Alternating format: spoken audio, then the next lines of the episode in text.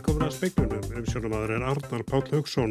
Blaðafulltrúi Pentagon staðfeistir að bandarískir herminn séu hópi þeirra sem að letust í tveimur sprengjaárásum í Afganistan í dag. Talsmaður sjúkrahúsi í Kabul segir að sexa við látist á leið á sjúkrahúsið. Fórstjóri landsbítarans hafnar því að ómargir milli stjórnendur sé á landsbítaranum á ofháun launum. Heldur bendi margt til þess að fleiri stjórnendur þyrti. 16 líkja nú á landsbítalunum vegna COVID-19 fjóri þeirra er á gjörgjæslu deil. Fjárfesting í fólkjeri við skrifti kostninga áhersluna framsóknarflóksins fyrir komandi kostningar sem kynntar voru í dag og sviðslistinnar fagna aflétningu sótvarna að gera á meðan að veitingageirin telur þær vera vonbriði. Og við byrjum með Afganistan, fjóri bandaríski hermenn létust í tveimur sprengjaárásum fyrir utan flugvöldinni í Kabul í Afganistan í dag.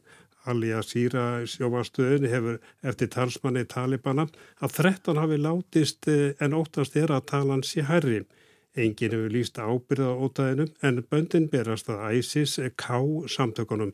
En Arna Björnsson, þú er komningað að þú hefur verið að fylgjast með þessi dag. Já, hvað gerðist? Já, atbyrðurásin var þannig að löst eh, eftir klukkan hálf tvö í dag þá uh, sprakk sprengja réttir utan flugutin í Kabul og um, önnur í kjölfarið, þetta var sjálfsmós uh, svo fyrir og bílasprengja svo setni og uh, það var mikil, mikil aðgangur þarna eðlilega.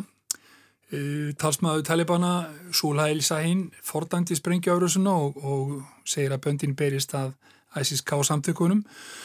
Og þetta er síðan hafa menn verið að býða eftir nánari fréttum en bladamannafundur sem hatti verið Penta, Pentagon, honum hefur verið frestað margótt og engin veit raun og veru tölu þeirra sem er létust. En hvers vegna bera spöndin að ISIS eh, eru þeirra að sundra eða ja, sundra ykkur í Afgarista núna eða hver er tilgangur þeirra?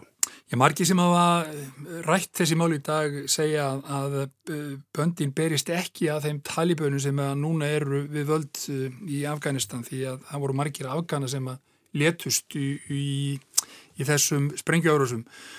Nú síðan er það spurningin hvert framhaldið verður, hvort að öllu flugi með almanna borgara verður hætt, þjóðverðar tilkynntir um aðan að þeirra verður hættir að ferja fólk frá Kabul, það flutt 5300 maður frá 45 löndum og í morgu var búið að flytja tefnilega 96.000 frá Afganistan frá því að Talibana náðu völdu þannig að talan er vantilega komin eitthvað yfir 100.000 en það veit enginn hvað gerist á næstunni og böndin auðvitað berast eða réttar að satt spjótin beinast að Joe Biden. Hann er harlega gaggrindur og, og, og, og erfitt fyrir hann Og núna þessi starrend að eh, já, það hafa dreppist bandaríski hermen viðbröð bandaríkina við því, vantilega að veri krísufundur í bandaríkina. Já, það, þess vegna hefur þessi blagamannafundur ekki verið haldinn. Eh, Bætina ætlaði að tala við, við fórsættstráðara Ísæla í dag en þeim fundi var frestað og það er bara beðið eftir því að komi upplýsingar um það hversu margir hafa látið lífið. Við fylgjumst með þessu Arnar Björnsson, þakka þér kærlega fyrir. En við höldum áfram að fjallum uh, Afganistan. Fjógrara dóttir Ómars Fasal, Afgana með íslenskan ríkisborgarrétt, var barinn af talibunum á leiðin á flugvöllin í Kabul. Þetta var versta reynsla lífsmís, segir Ómar, sem fluttur var frá Afganistan um helgina á samt fjölskyldu sinni. Hann hefur verið íslensku ríkisborgari frá árunni 2008 en flutti til Kabul fyrir um áratug og vann þar fyrir ími samtök. Íslenska utaríkisraðuniti tilkynntu honum að hann hefði rétt á að yfirgefa Afganistan og hann komst með konu sinni og börnum á flugvöllin við illan leik. Taliban beat people. My little girl is four uh, year old. She got beat uh, one stick and cried so much. Uh, it was very terrible, difficult. Uh, this was the tough time in my life. Segir Ómar Fassal og rætt verið við hann í sjóarsvettum klukkan sjö. Forstjóri landsbítalans hafna því alfarið að ómargir millistjórnendur séu á landsbítalanum á ofháun launum. Þvert á móti bendi margt til, til að fleiri stjórnendur þyrtu. Hann segir að til lengri tíma þurfi meira, meiri fjármögnun í heilbriðistjónustum. Öll spjót hafa staði á landsspítalunum síðustu dag og missir í spítalinn sem undirmannar fá ekki nægilegt fjármagn í rekstur á sama tíma og álægi í faraldrinum hafi verið gríðalegt. Yfir 6.000 manns hafa mann starfa á landsbítalanum sem gerir hann að einu stæsta vinnusta landsins. Í morgunblæni gæri kom fram að starfsmönnum á skrifstofu hafi fjölgað um 115%. Stjórnendur séu hátt í 200 á háu launum og það að um langt ára bil hafi verið harfítug valdabarótt á göngum spítalans og útþensla yfirstjórnar sé einn byrtingamind átakana. Ég hafna því algjörlega það er bara ekki rétt. Við höfum nú bent á það bara með því að uh, týna til tölur og staðrendir. Uh, við erum með uh, í kringum 200 millistjónundur á 6.000 manna vinnustad. Til þess að hafa þetta alveg á hreinu, þú hafnar því algjörlega yfirbygging spítalans séu of mikil, þar séu of margi millistjórnundur og of háum launum. Ég hafna því algjörlega já, ég tel að við eh, margmendir til þess að við myndum að mörguldu þurfa játtum fleiri stjórnendur en við erum náttúrulega þurfum að gæta fylstur ádeldar Það er alls ekkert að halda það fram að það séu margir stjórnundu þarna og nýlega fréttir til dæmis í morgumblæðinu um það að hér hafi bólnað út skrifstofa spítalans, þetta er bara ránt. Segir Pál Mattiasson, Jóhanna Veitis Hjaltadóttir, talaði við hann. Á deildun landsbítarans kvíla nú alls 16 sjúklingar vegna COVID-19, 12 þeirra líkja á bráðalegu deildum og er helmingur óbólusettur. Fjórir er á gjörgjæslu deild en ekki fást upplýsingar um bólusetningarstöðu þeirra sögum verklasregla spítalans. Meðalaldur innlagra er 59 ár. Sjúklingur á, sjúklingur á 70 aldri lést á landsbítalan við gær og hefur því alls 31 látist í faraldrum hér á landi til þessa. Alls hafa 88 sjúklingar lagst inn á landsbítalan í fjörðu bylgju faraldusins um þriðjungur og bólusettur. 15 hafa þurft eh, að fara ja, gjörgæslu stuðning eða fá hann. Alls eru 947 sjúklingar, þar að 227 börn á COVID-gungudeildi landsbítalans. Þrýr þeirra eru metnir rauðir og 32 einstaklingar gulir. Ekki er allir jafn ánæðin með þær tilslaganir á sótvarnatakmörkunum sem ríkistjóðni kynnt í dag. Sviðslýsla fólk brosir á meðan að skemmtana gerinni telur sér hlundfarin. Nýjar sótvarnatakmarkanir taka gildi nú um helgina. Í þeim er gert að ráðfyrir að eins metra regla falli niður á meðal áhörfunda í sviðslistum, veitingasala verið heimil í hljöfum. Magnús Geir Þórðarsson þjóðleikustjóri og formaður samtaka atvinnureikenda í sviðslistum hvaðist ánaður með breytingarnar. Það er óhætt að segja það. Við erum afskaplega ánað og þakklátt og hlökkum mikið til nýs menningavetra sem er að hefjast í öllum húsum og þetta, þetta gjör breyti stöðunni. Gert er áfyrir að með notkun hraðprófa verði hægt að lifa 500 að koma saman á stærri sitjandi viðbyrðum. En á eftir að útfara það fyrirkomulag nánar en Magnús Geir vill að prófin verði aðgengileg og gæstum að kostnæðar lausu að sjálfsögðu ósku við þessu öll að allar hindranir viki en við lítum á þetta sem afskaplega stórt og mikilvægt skref og vonandi náum við bara að fylla húsin af lífi og magnuðum töfrum á næstu vikum og mánuðum. Sagði Magnús Geir Þórðarsson. Anna hljóðir í veitingamönnum sem telja nýja reglur gera lítið fyrir sinn rekstur. Björn Árnason, eigandi skúla kraftbars, er stjórnanmæri í samtökum fyrirtækja veitingarekstri. Björn segir veitíkamenn hafa fundað með ráðamennum í vikunni sem hafa verið jákvæðir fyrir tillögum þeirra. Það endur speglist ekki í væntalegum tilslökurum. Fólk var ekki að búist til að það er aflétt öllu. Það væri nú einhverja breytingar. Það skiptir ós að miklu máli fyrir þessi fyrirtæki að þú veist að fá óti aðeins lengur. Það er bara fyrir klukkutími skiptir gríðalögum máli. Saði Björn Árnarsson, Andrei Eistinsson tók saman. Fjárfestingi fólki er yfirskriftu kostninga áhersla framsóknarflokksins sem fyrir komandi kostningar sem kynntar úr í dag. Sigur Ingi Jóhansson, formaða flokksins, segir að mikill árangur hafi nást í breyðu ríkistjórnarsamstarfi og svo verið sem að framsókn sé eini flokkurinn á miðju stjórnmálana. Já, fyrst og fremst ætlum við að fjárfesta í fólki og meðal annars með sama hættu og Ásmund Reynar hefur verið að gera í barnamálunum. Við ætlum að ganga lengra, leggja til 60.000 króna frístundastyrk til handa hverju barni og óháð efnahag. Við ætlum að taka málefni eldriborgara með sama hætti og, og hann hefur tekið barnamálinn og halda áfram uh, fjárfestingu í mentamálum og heilbriðismálum bæði þá í, í fólkinu en líka í innviðunum. Flokkurinn er ofinn fyrir auknum engarekstri í heilbriðiskerfinu og segir að skoða þurfi aðgerið sem skila bestum árangri hverju sinni. Þá vil flokkurinn að frítekjumark lífeyriðsgreisla hækki í skrefum og telur þrepaskipta þurfi tryggingagjaldi og fyrirtækjaskatti, þannig að lítil og meðalstór fyrirtæki greiði minna. Formaður flokksins segir að flokkurinn höfði til eins venjulega Íslandings og útilokar ekki samstarfi neitt. Eh, við viljum vinna með þeim flokkum sem eru tilbúin að setja okkar stefnumál á, á hérna í stjórnarsáttmála og ná þeim skynsanlegu málamilunum þar fram en klárlega munum við ekki áherslu á að vinna með þeim sem eru tilbúin að fjárfesta áfram í fólki eins og við hefum verið að tala um og halda áfram þessari innviða fjárfestingu sem er hluti af lausninni á lofslagsvandanum en um leið grundvöldur hagastar og atun á Íslandi. Þetta var Sigur Ingi Jóhansson og Alessandri Kristjánsson og tók saman. 20 sjúklingar og sjö starfsmenn er í sótkví eftir að smitt kom upp á legudeldi sjúkrahúsins á Akureyri í gæri. Smittið virist ekki hafa dreift sér því allur hópurinn var skimaður í gæri og allir reyndust neikvæðir. Smitið greindist hjá starfsmanni á legudelt sjúkrahúsins í gær þar sem 20 liggja inni.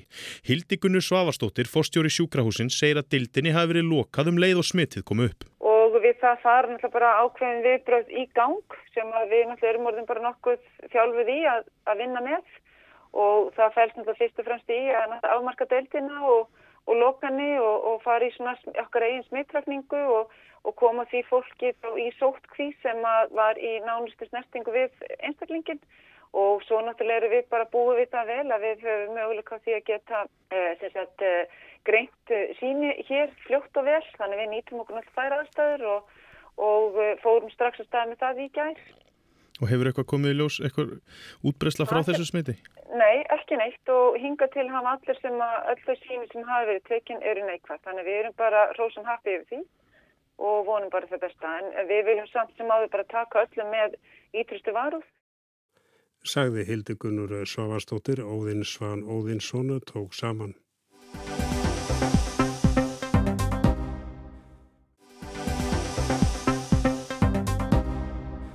Og þá til Kína, kínverskar fjölskyldur megan og egnast fleiri börn en nokkru sinni undan farna fjóra áratvíi. Svo hefur dreyjur og fjölsfjölgun að það mun vanta fólk á vinnualdri nema fæðingum fjölgi og það getur hægt á hagkerfinum. Nú er vandin sá að það vilja ekkert allir eiga fleirin eitt barn. Alln okkur tíðindur því Kína á dögunum þegar að heimild fólks til þess að eiga þrjú börn var lögfest. Það eru bara fimm ár frá því að horfið var frá þeirri allræmdu stefnu að almennt mætti fólk aðeins eignast eitt barn. Reglum um að par mætti aðeins eignast eitt barn var komið á undir lok áttunda áratugar síðustu aldar. Þá nálguðust kynverjar óðfluga eins miljards markið. Fyrst bárust tilmælum að ekki væri æskilegt að fólk eignaðist fleiri en tvö börn, helst bara eitt. Í september 1980 var reglum eitt barn komið á, með undantekningum þó. Banninu var fyllt stíðar eftir í þjættbíli en í dreifbíli og í dreifbíli voru fleiri sem að hunsuðu reglurnar. Ímislegt var gert til þess að draga úr barnegnum. Getnaðarvarnir voru gerðar aðgengilegar, það voru fjárhagsleir kvatar til að fá fólk til að fylgja reglunum og einnig sektir fyrir þá sem að ólýðnuðust. Sumir komust upp með að greiða ennbættismönnum mútur. Þá er ónefndur hryllingurinn og hér er rétt að vara viðkvæma við. Fjölskyldur voru ofsóttar, fólk var neitt í ófrjósamis aðgerðir, þunguðum konum var rænt og fóstrum þeirra eitt, læknar framkölluðu fæðingar allt of snemma og ef börnin livðu það af voru þau deitt. Rétt er að taka fram að viðlíka meðlum er beitt á úígúra núna, samkvæmt rannsókn AP fréttastofunar. Úígúrar eru undirókaður minnilhutahópur, oftast nær múslimar. Á undanförnum fimm árum hefur fæðingatíðnin í Hóttan og Kaskar þar sem margir þeir eru búsettir hrunið og það á sama tíma á stjórnvöld hvetja hann kínverja til að fjölga sér. Kínversk stjórnvöld hafnafréttaflutningi AP segja hann uppspuna. Þegar meginreglunni um að kínverjar mættu aðeins eignast eitt barn var aflétt árið 2016 og öllum var frjálst að eignast tvö börn jógst fæðingatíðnin en bara tímabundið Síðan hefur hún hríðfallið. Gera má ráð fyrir að þeir sem hafi viljað eignast annað barn geta það og verði að stuð til þess hafi drefið í því, en síðan ekki söguna meir. Einhverjir klóra sér í kollinum yfir þessum breytingum. Ef tveggja barnaheimild duð ekki til að fjölga barnignum, af hverju ætti þryggja barnaheimild að gera það? Jú, mæntanlega eru einhverjir sem að vilja eignast þrjú börn og þá gæti kínverjum fjölgað sem því nemur. En þá spyrja aðrir, af hverju er ríkið að skipta sér af því hvað fólk kýsa eiga mörg börn og af hverju ekki bara gefa það frjálst? Í þá þykir hægt á að það verður mikill munur á þeim sem búa í dreifbíl og þjættbíli. Það verður meira ójapvægi. Fólk sem býr í borgum hefur tilnefingu til að fresta batningnum eða sleppa þeim alfarið. Það er dýrt að búa og vinnudagurinn getur verið ómanniskulega langur. En fólk sem býr til sveita væri víst til að fylgja gömlum hefðum og eignast fjöldabarna. Áður fyrir voru stórar fjölskyldur grundvöldur þess að komast af, fleiri vinnandi hendur. Ónafngreindur maðurinnan kínverska stjórnkerfi sinsaði fréttamanni Reuters að ef hömlum erði aflétt gæti það leitt til annara vandamála eins og fátaktar hjá fjölskyldum í dreifbili. Mannfjöldagreining og spá sem byrt var í mæ og CNN Business fjöllaðum í vor sínir að landsmönnum fjölgaði um 5,8% allan síðasta áratug. Það minnsta fjölgun frá því um miðja síðustöld. Eldri borgurum fjölgar en fólki á vinnualdri fækkar hlutfallstega. Og það gæti haft neikvæð áhrif á hagvöxt og möguleika þessa næst stærsta hagkerfis heims til að taka fram úr helsta keppinutnum og stærsta hagkerfi heims, bandaríkjónum. En ástæði þess að fólk fjölga sér ekki í samræmi við væntingar stjórnvalda virðast vera nokkrar. Það er svo dýrst aðala börn í borgum í Kína. Ein af afleðingum meginreglunar um eitt barn sem var við líði í teipa fjóra áratugir verulegur kynjahalli. Margir vildu heldur eiga drengi en stúlkur. Munaðaleysingi hæli fylgdust af stúlkum sem að erlendir foreldrar ætleitu. Og nú vantar drengina sem eru orðnir eða eru að verða fullorðni menn einhverjar að kvænast og eignast börnið. Til að gera drengina sína vænleiri kost á hjónabandsmarkaðunum grýpa foreldrar sem að hafa efni á til þess ráðs að kaupa íbúðir fyrir ungumennina. Það hækkar íbúðaverði borgonum og efnalitlir foreldrar úr dreifbíli eiga ekki möguleika á slíkum heimannmundi með sónum sínum. Nýju þryggjabarnareglunni eiga að fylgja aðgerðir til að styðja við mannfjölda þróun landsins að sögn breska ríkisúttarpsins. Fréttamenn CNN í Hong Kong fylgdust með viðbröðum kínveri á samfélagsmiðlum á förstu daginn þegar nýju lögin tóku gildi. Þar lístu margar konur áhugjum af því hvað dýrt sé að reyka heimili og að mjög halli á konur á vinnustöðum. Það er því, því óherla dýrst að ala upp þrjú börn, ekki inn í myndinni fyrir flest börn í borgum þar sem launstanda í stað en vinnudagurinn er óskaplega langur. Fjöldi kynveskra kvenna hefur á liðnum árum greint frá mismunun á vinnustöðum vegna aðstæðina í engalífinu, sem sagt hvort þar eru giftar og eiga börn. Samkvæmt aðtúin Human Rights Watch þurfa konur í sumum fyrirtækjum að býða þar til röðin kemur að þeim til að komast í fæðingarólof verði þær barsafandi á undan áallun fyrirtækisins áallun það er, gætu þær átt yfir höfðið sér refsingu eða brottrækstur. Að auki lendir uppeldis hlutverkið meira á mæðurum en fæðurum. Þær fá fæðingarólof en þeir yfirleitt ekki. Kommunistaflokkurinn ætlar nú að takast á við þessi vandamál. Stjórnvöld ætla að vinna í því með enga geranum að koma upp barnagæslu í almenningsrými og á vinnustöðum hefur CNN eftir ríkisrækna fjölmilnum sín hvá en fleira hefur ekki verið ofinbyrjað. Í það minnsta þarf að grípa til aðgerða sem auðvelda fólki að eiga og ala upp fleiri börn standi viljið þeirra til þess þar sem fæðingartíðnin í þessu fjölmennasta ríki heims hefur ekki verið lægri í 70 ár. Ragnhildur Tólarsíus saði frá. Normenn kjósa til þings 13. Eh, september tekist þér áum hvort og hvenar eiga stöðva alla óljuvinslu við landið. Óljan mengar og veldur hlínun jarðar. Æ, fleiri ungir kjósendur vilja róttakar aðgeri til að stöðva hlínuna þar á meðal að normenn hætta að selja ólju. Ríkistjórnin á ekkert svar við þessu og fylgið er hríðfellur. Gömluflokkarnir eiga erfitt með að koma sínum hefðbundna boðskap til skila. Bóðskapurinn hrýfur ekki almenna kjósendur og allra síst þá yngstu. Fjórir árgangar koma nú nýjir inn á kjöskrá og þar veið bætast átta árgangar sem hafa alist upp við stjórnarsetu Ernu Solberg, fórsættisráður á formans hægriflokksins. Fylgi við Ernu fellur jaft og þétt og mælist núna um 18% og þá er fjórðungur af fylginu farin miða við kostningarnar fyrir fjórum árum og 11 þingsæti tapast ef þessar spár ganga eftir, 34 manna þingflokkur í stað 45 sæta núna. Ef allir fjóri stuðnísflokkar ríkistórnar Ernu Solberg eru taldir saman, tapar stjórnin 31 þingsæti. Þá er all tryggur meiri hluti borgaraflokkan á stórþinginu horfin með miklum mun. Hátt í 30 þingsæti þurfa nú að vinnast á síðustu tveimur til þremur vikum kostningabaráttunar ef stjórnin á að halda velli. Núna getur kraftaverk eitt bjargað ríkistjórn ernu ef nýjustu kannanir ganga eftir. Allt getur þó gerst því mikið los er á fylki. Alls nýju flokkar eiga góða möguleika á að fá menn á þing. Margir þingflokkar verða því afar smáir ef allir komast að. Og það veku líka aðtegli að kannanir ætla öðrum flokkum sjö þingsæti. Það eru aðrir flokkar eða frambóð en þau nýju sem eiga lengri sögað baki. Þetta er nýtt hér. Fylgi virðist ekki bara dreifast á flokkana nýju sem þegar eiga sæta á þingi, heldur gætu óhjáðir þingmenn komið inn með kannski eitt staðbundið mál á dagskrá. Þetta hefur ekki gerst síðan á liðinu öld þegar kvalfangarinn Steinar Bastesen komst á þing fyrir sjáarplásaflokksinn í Norðurlandi og vildi frjálsar kvalveðar og meiri virðingu skakhörlum landsins til handa. Núna þykir til dæmi sínt að fólk sem best fyrir stærra sjúkrahúsi í bænum Alta og Finnmörku nái manni á þing. Þar í bænum er sjúkrahús frambóði núna orðið næstæsti flokkurinn og stefnan er skýr og bein, stærra sjúkrahús með fullgildri fæðingardeild. Erna Solberg og hennar fólk teflir fyrst og fremst fyrirheitum um lægri skatta. Það er gamalt baróttumál en virðist ekki ganga í augun á nýjum kjósendum. Yngstu árgangar kjósenda vilja nýjar og rótækar lausnir í umhverfismálum. Nýleg skísla frá saminuðu þjóðunum um umhverfisvá vegna mengunar og tilherrandi hlínunar jarðar hefur haft mikil áhrif. Með skíslunni urðu vatnaskil í kostningabaróttunni. Endalák ólíuvinnslu við landið eru orðina kostningamáli.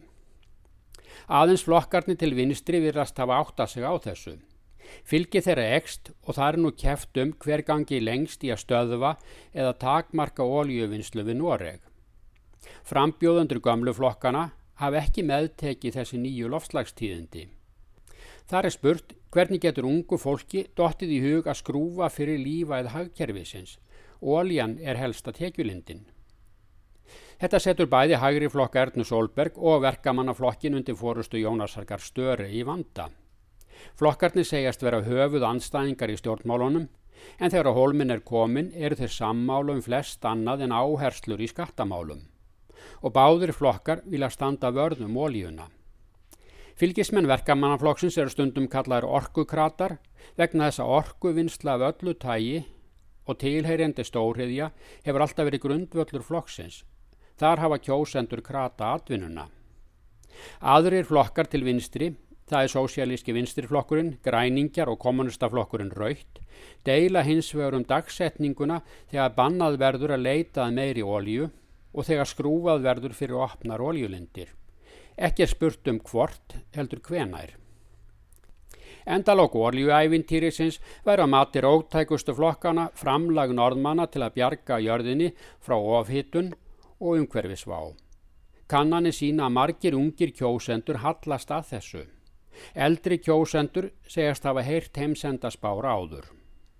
Ef Jónaskar Störi á að mynda vinistri stjórn eftir kostningar þarf hann að ná sátt um framtíð olíuvinnslunar. Hann þarf að samina krafta eftir vil fimm flokka sem allir stefna í ólíkar áttir. Þetta var Gísli Kristjánsson í Oslo. Nú þegar breska pólitík er að koma úr sumafríi líku beint við að hugað stöðu stóru flokkana tveggja og nú eru þeim komin að verkamannanflokknum. Skoðanakannanir eru ekki upplýfgandi lesning fyrir flokksforustuna en spurningin er hvort vandinni líkur hjá leitónum eða flokknum eða er einhver samþækting á hvoru tveggja og þessu allar Sigrun Davíðstóttur að velta fyrir sér. Skoðanakannanir eru barómetr stjórnmálana og stjórnmálaflokkarnir bresku liggja yfir þeim lón og dón. Kannunarfyrirtæki byrta kannanir reglulega, í viðbót kaupaflokkarnir mun nákvamari kannanir allt mælt sem hægt er að mæla og nýta svo upplýsingarnar í leitsinna fylgi. Skoðanakannanir hafa undanfarið verið heldur daburleg lesning fyrir breska verkamannarflokkin og Kier Starmer sem var kosin flokksleitói upphafi COVID-faraldursins í fyrravor.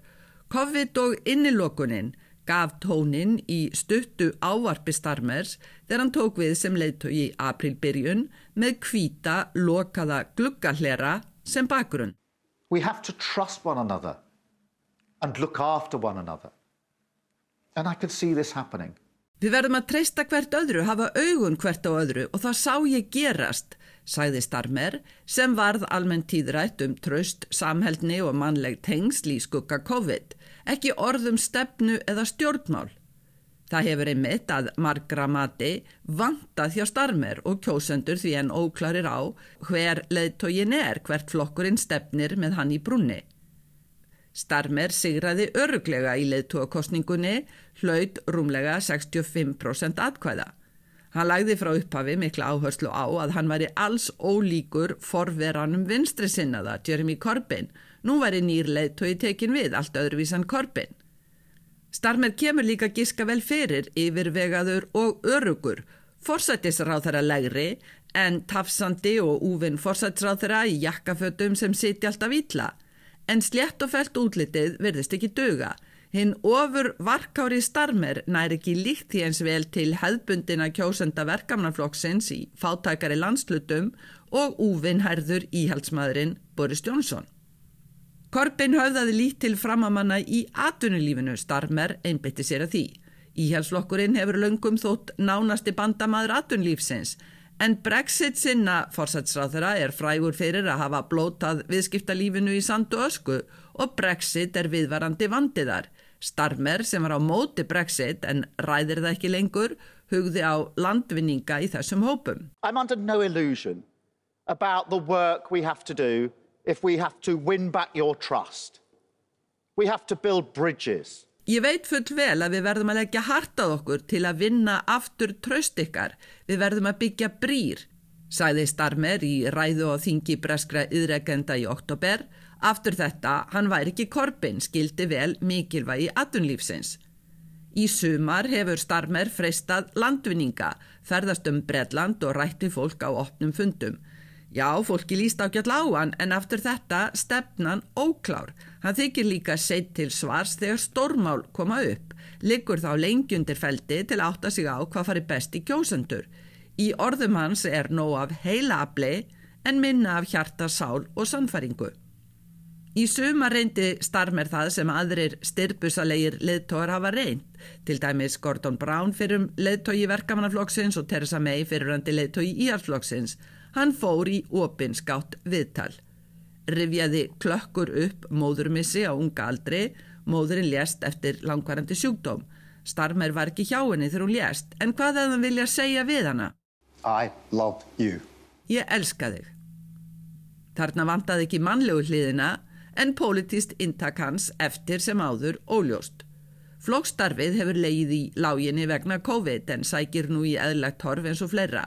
Starmer er með snöfurlegt fórustu lið, nokkur það er greinilega tilbúin í leðtúa frambóð ef Starmer þrítur erendið. Og ekki vantar mál sem ætti að henda floknum, mikil aðtikli á ójöfnuði af öllu tægi í Breitlandi. Samband flokksins og verkalýsreifingarnar er síkilt viðfangsefni þá bæði stefnan og fjárframlög hreyfingarnar til flokksins. En aftur af fylginu, framvindan fyrstu sex mánuðina eftir að Starmer tók við lofaði góðu fyrir hann og flokkin, þurkaði út 20% stiga forskot íhjálpsflokksins. En síðan síðla vetrar hefur verkamannaflokkurinn mælst með margtætt minna fylgi en íhjálpsflokkurinn. Verkamannaflokkurinn hefur í stjórnaranstöðu síðan 2010 stundum sagt að flokkur í stjórnaranstöðu kjósi gerðna leðtoga sem falli í kram hörðustu fylgismanna ekki breyðari skara kjósenda. Í upphafi virtist þetta einmitt ekki eiga við um starmer en eitt og hálft ár hefur ekki döga leðtogunum til að sína að flokkstök hans og boðskapur séu sannfarandi. Þetta var Sigrún Davísdóttir og Við sagðum frá því í speiklunum, reyndar eru komna nýja fretti frá Afganistan að nú er sagt að minnstakosti 60 hafi fallið og 140 sæsti í tveimur sprengingum við flugvellin í Kabul í dag. Þetta hefur Breska ríkisútvarfi eftir afgönskum heilbriði starfsmanni. Og það verður nánar fjallaðum þetta í fréttum okkar í sjónvarpi klukkan 7.